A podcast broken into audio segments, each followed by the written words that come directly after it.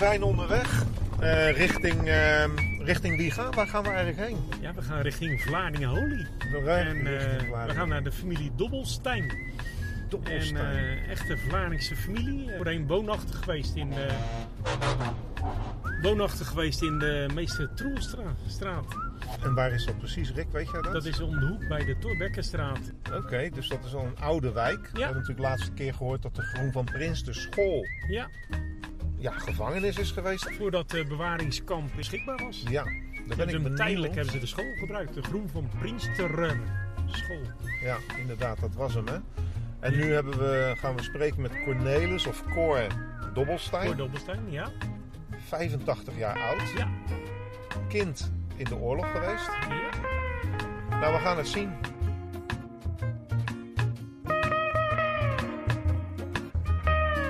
Deze middag zitten we bij meneer Dobbelstein. Dobbelstein, ja. ja. ja. Uh, Cornelis of Cor? Cornelis, Dobbel, Cornelis Johannes Dobbelstein. Ja. Boeknaam? Cor. Cor. Ja, en Hannes en Cornelis. Dat, allebei goed, hè? Allebei goed. Allebei goed. en we zitten in uh, Vlaardingen Holy. Ja. In een hele mooie flat. Ja. Dat is hoe het nu is. Maar wij duiken met u in het verleden. Ja. Dus uh, Cor, mag ik, mag ik dat ja, zeggen? Vindt u dat prima? Um, we, gaan, we gaan vanmiddag uh, het verleden in, ja. eigenlijk een beetje. En uh, u bent al op leeftijd. Hoe oud bent u als ik vraag mag? Ik ben 85 jaar. Ja, en u ziet er nog heel uh, jong en fris zit u erbij. Dank u wel. Wel bespraakt, alert. Dus dat, dat is heel mooi. Dus ja. dan bent u geboren in 1937. 1937, ja. En ja. Dat, dat maakt van u eigenlijk een oorlogskind. Bijna, hè? net voor de oorlog, maar de hele oorlog natuurlijk meegemaakt. Nodige erin meegemaakt.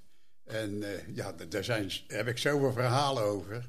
Nou, daar zou ik graag het een en ander naar willen vragen. Wat is uw vroegste herinnering mijn aan vroegste, die oorlogstijd in Vlaardingen? Mijn vroegste herinnering is dat de dag dat de oorlog uitbrak. De mensen liepen de straat op, in de Troelsenstraat. Er is oorlog, er is oorlog. Ja, en dan uiteindelijk hoor je dan in de vet hoor je het een en ander knallen. Maar dat is heel ver weg, want Rotterdam ligt niet dichtbij en Schiedam ook niet. Ja, dan. En dat hoorde je wel. Dus je voelde dat het niet goed zat. Ja. Ja, ja.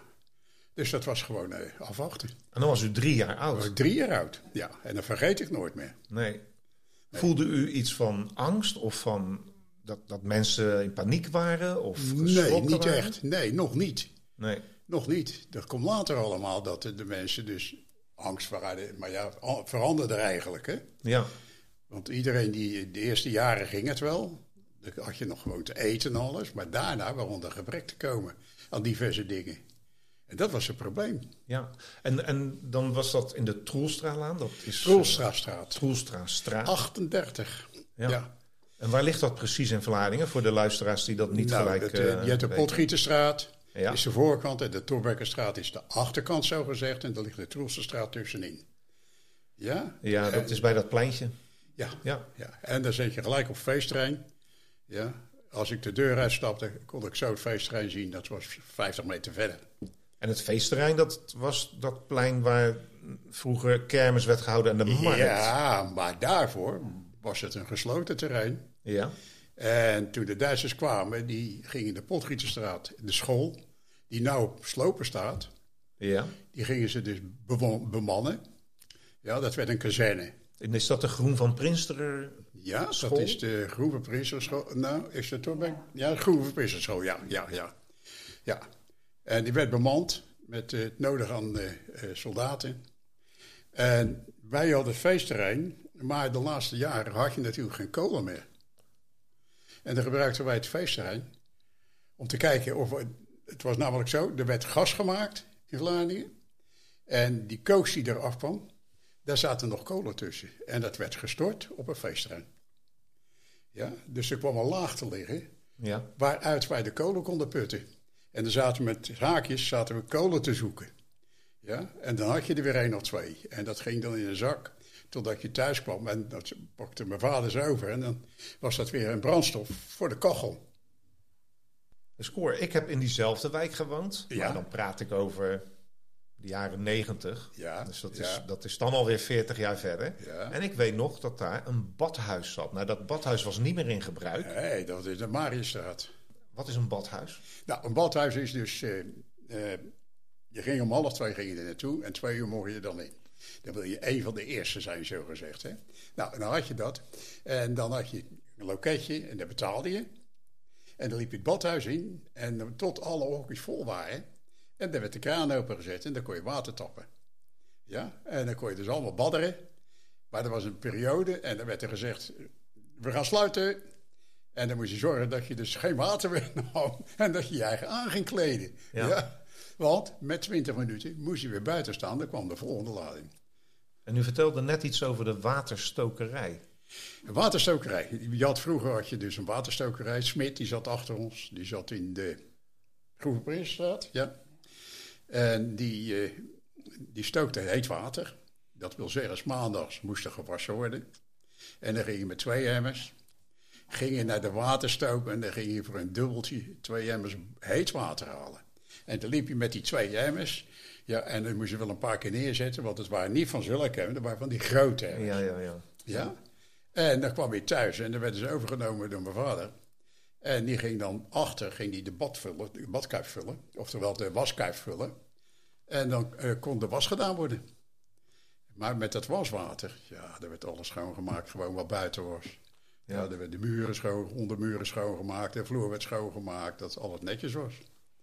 En nu uh, begonnen we er net mee dat uh, u dus als kind in de oorlog ja van, van uw derde tot uw achtste jaar, dan schat ik zo ongeveer. Ja, klopt. Ja. En daar heeft u een boekje over geschreven. Ja, dat klopt. Gestolen jeugd heet het. Gestolen jeugd. Gestolen jeugd. Zo voelt u het ook? Zo voelde het achterover ook. Uh, het heb eigenlijk ook een soort avontuur gehad, toch wel weer. Ja, dat denk je later. Maar de momenten dat je dus honger leed, dat je naar de gaarkeuken toe moest om een pannetje met eten te halen. Ja. ja en dan stond je ook in de rij. Ja, en dat je later, als hij daar was, en, en dat je, dan zorgde je dat je als een van de laatste, dan was je pannetje gevuld. En dan ging je de gamellen uitlikken die buiten gezet werden met je vingers, om toch nog wat meer te pakken. Ja. Als u nu terugkijkt, zo, welke herinnering, welke moment in de oorlog heeft het meeste indruk op u gemaakt? Uh, het meeste indruk, ja. Eigenlijk toch wel dat ik uh, thuis dat mijn zus, ja toch wel, mijn zus die moest studeren. Want die zat op de HBS. En dat was ook net over de, over de spoorweg heen naar het hoofd toe. Had je vroeger de HBS. En als zij moest studeren, dan moest er licht komen. En dan mijn vader het zo mogelijk gemaakt, een fiets omgedraaid, op zijn kop gezet. En dan kon je trappen en dan bleef die dynamo, die leverde zo lampjes stroom, maar dat was voldoende als zij kon studeren. En dat deed je dan een uurtje s'avonds. Ja, en dan ging je weer over op kaasje die je nog had. Ja, zo, zo werkte dat gewoon. En dat had toch wel indruk op me.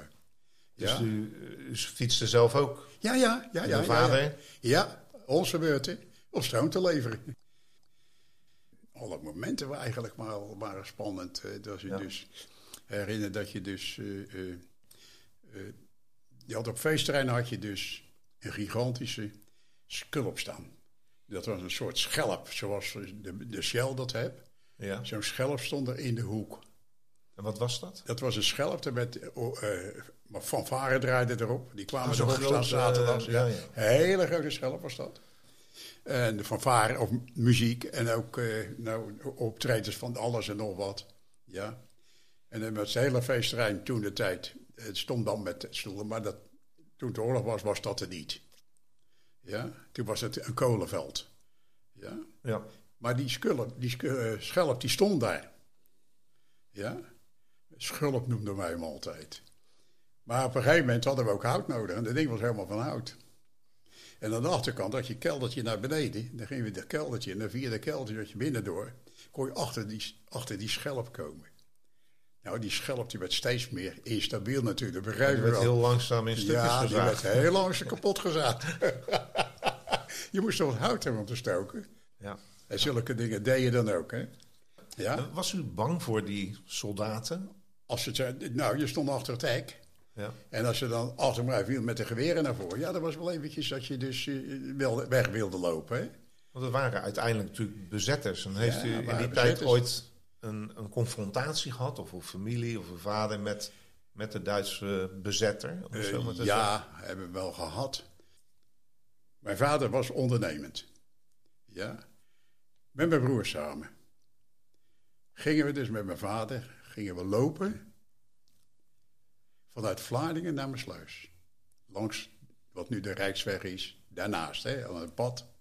Daar liepen we. En dan liepen we naar de pont toe van sluis. Het pontje naar Rozenburg. Het pontje naar Rozenburg. Daar gingen we met dat pontje gingen we overvaren. Ja, en er was... Uh, mm, daar kom ik zo wel op.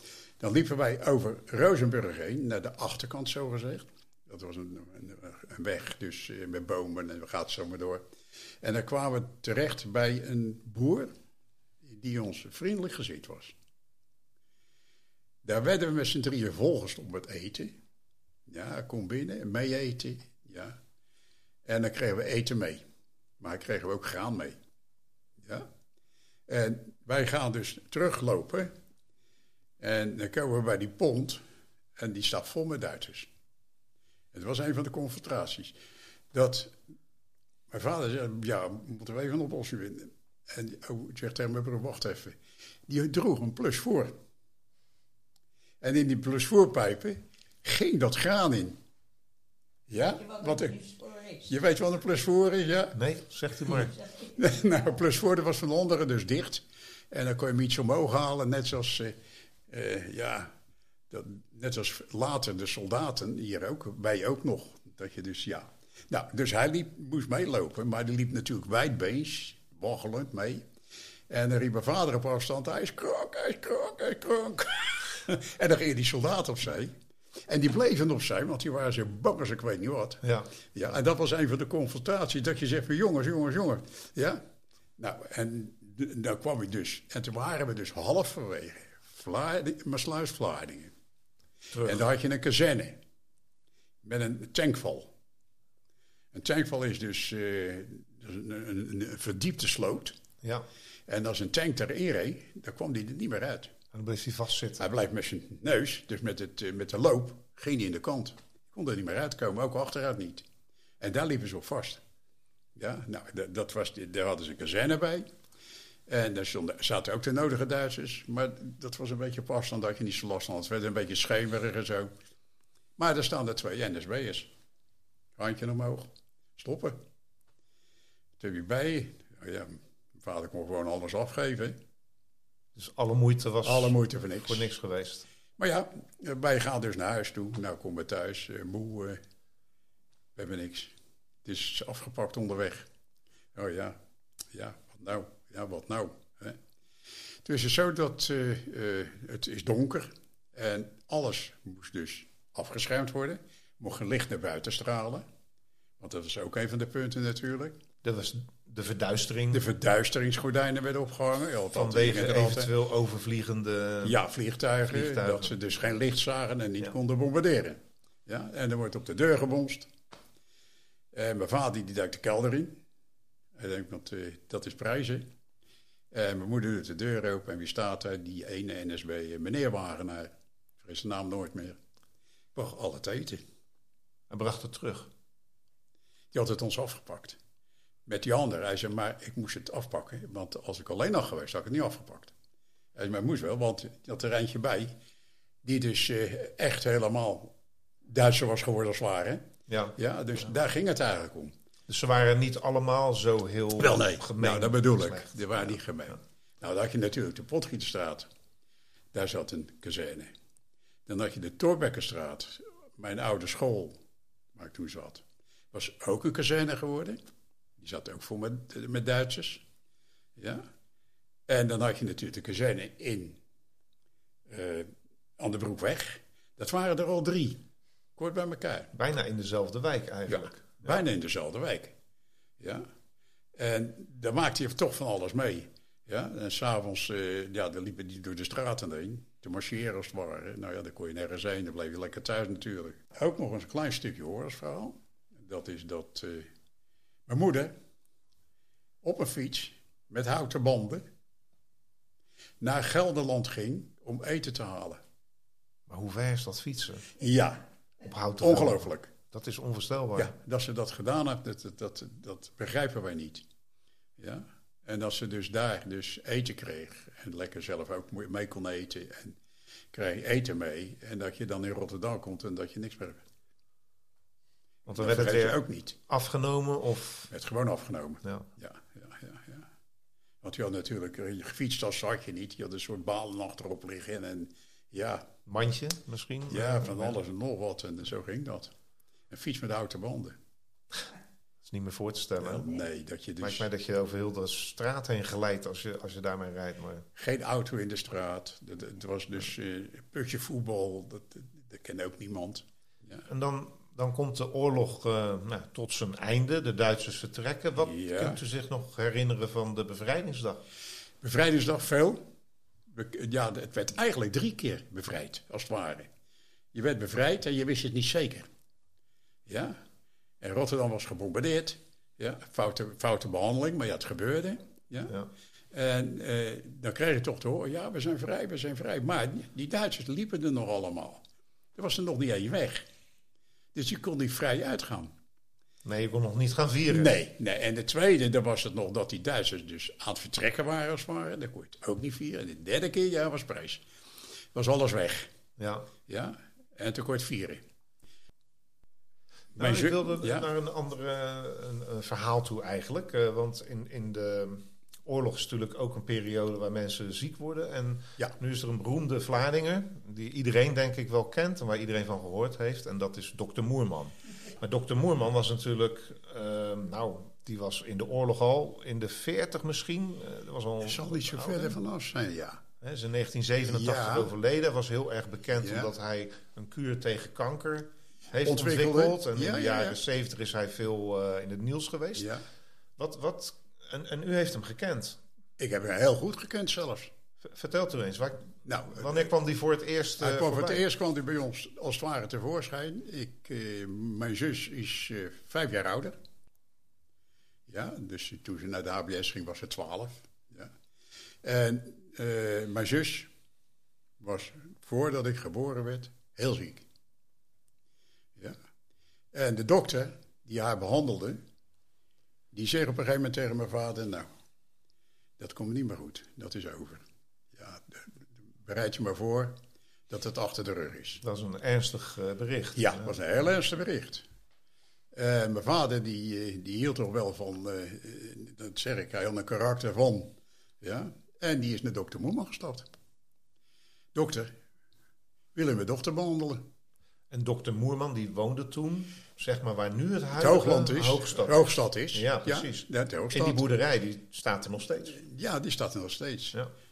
Daar kom ik zo op terug. Oké. ja. Nou, het is zo dat uh, uh, hij vier keer moeten vragen aan de dokter voordat hij zei van ja, hij wordt behandeld door een andere dokter en daar mag ik niet tussenkomen. Toen heeft mijn vader net zo lang gesmeekt. Hij zegt ik betaal alles. Ja. En uh, toen zegt hij nou, ik ga met je mee. Die heeft mijn zus onderzocht. En die zegt, hij had een eigen apotheek, had hij ook, dokter Moerman. Ja. Die is mijn vader meegegaan, met de dokter. Daar heeft hij medicijnen gekregen. En die heeft hij aan zijn dochter gegeven, aan mijn zus dus. Ja. En mijn zus is, eh, kwam die drie dagen later, nou, zegt hij, overmorgen is ze rechtop. Zo. En dat is allemaal gelukt. En die medicijnen volgens mij waren niks anders dan vitamine vitamine toetsen. Dus eigenlijk nog niet eens echte medicijnen, maar gewoon een voeding.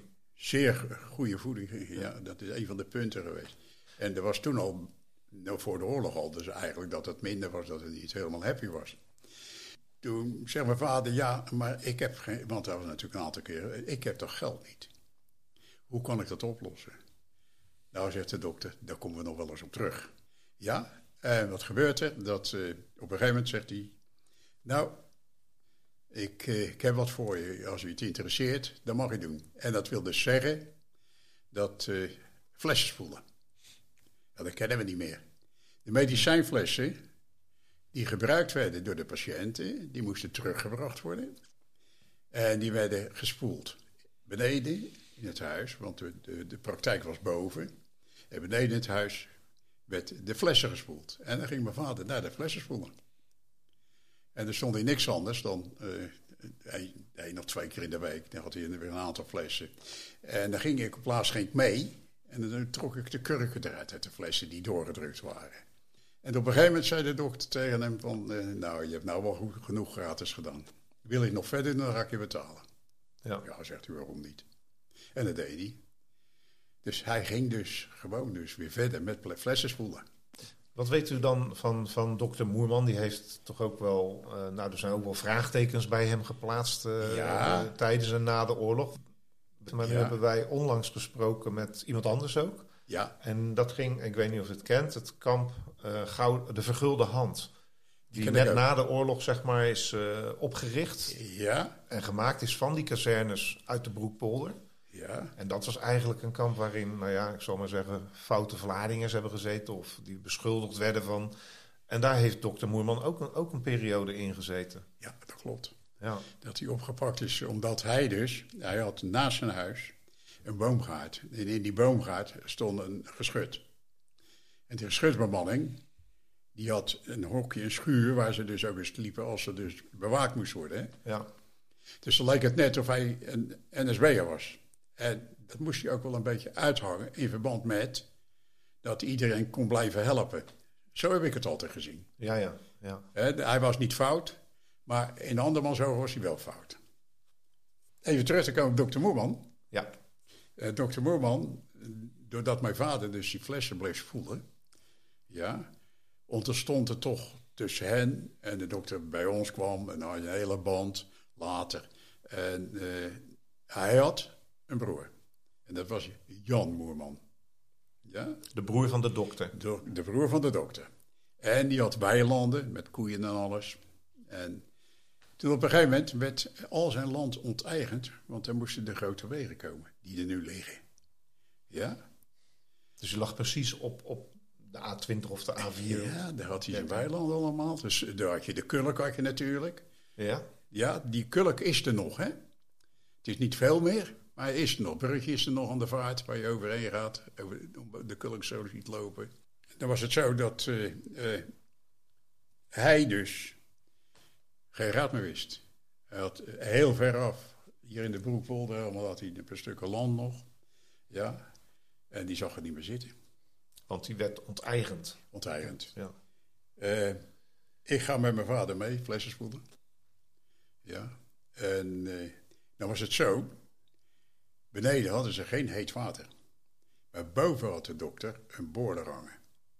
Een elektrische boorder. En dan moest mijn vader de trap op met hem. Dan ging hij daar heet water halen. Ja, en als hij naar beneden kon hij dat gebruiken om die flesjes te voelen.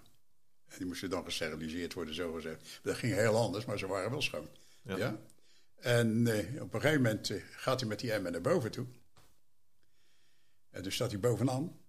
En toen komt hij teruglopen. En toen zegt hij, naar huis jij. Naar huis.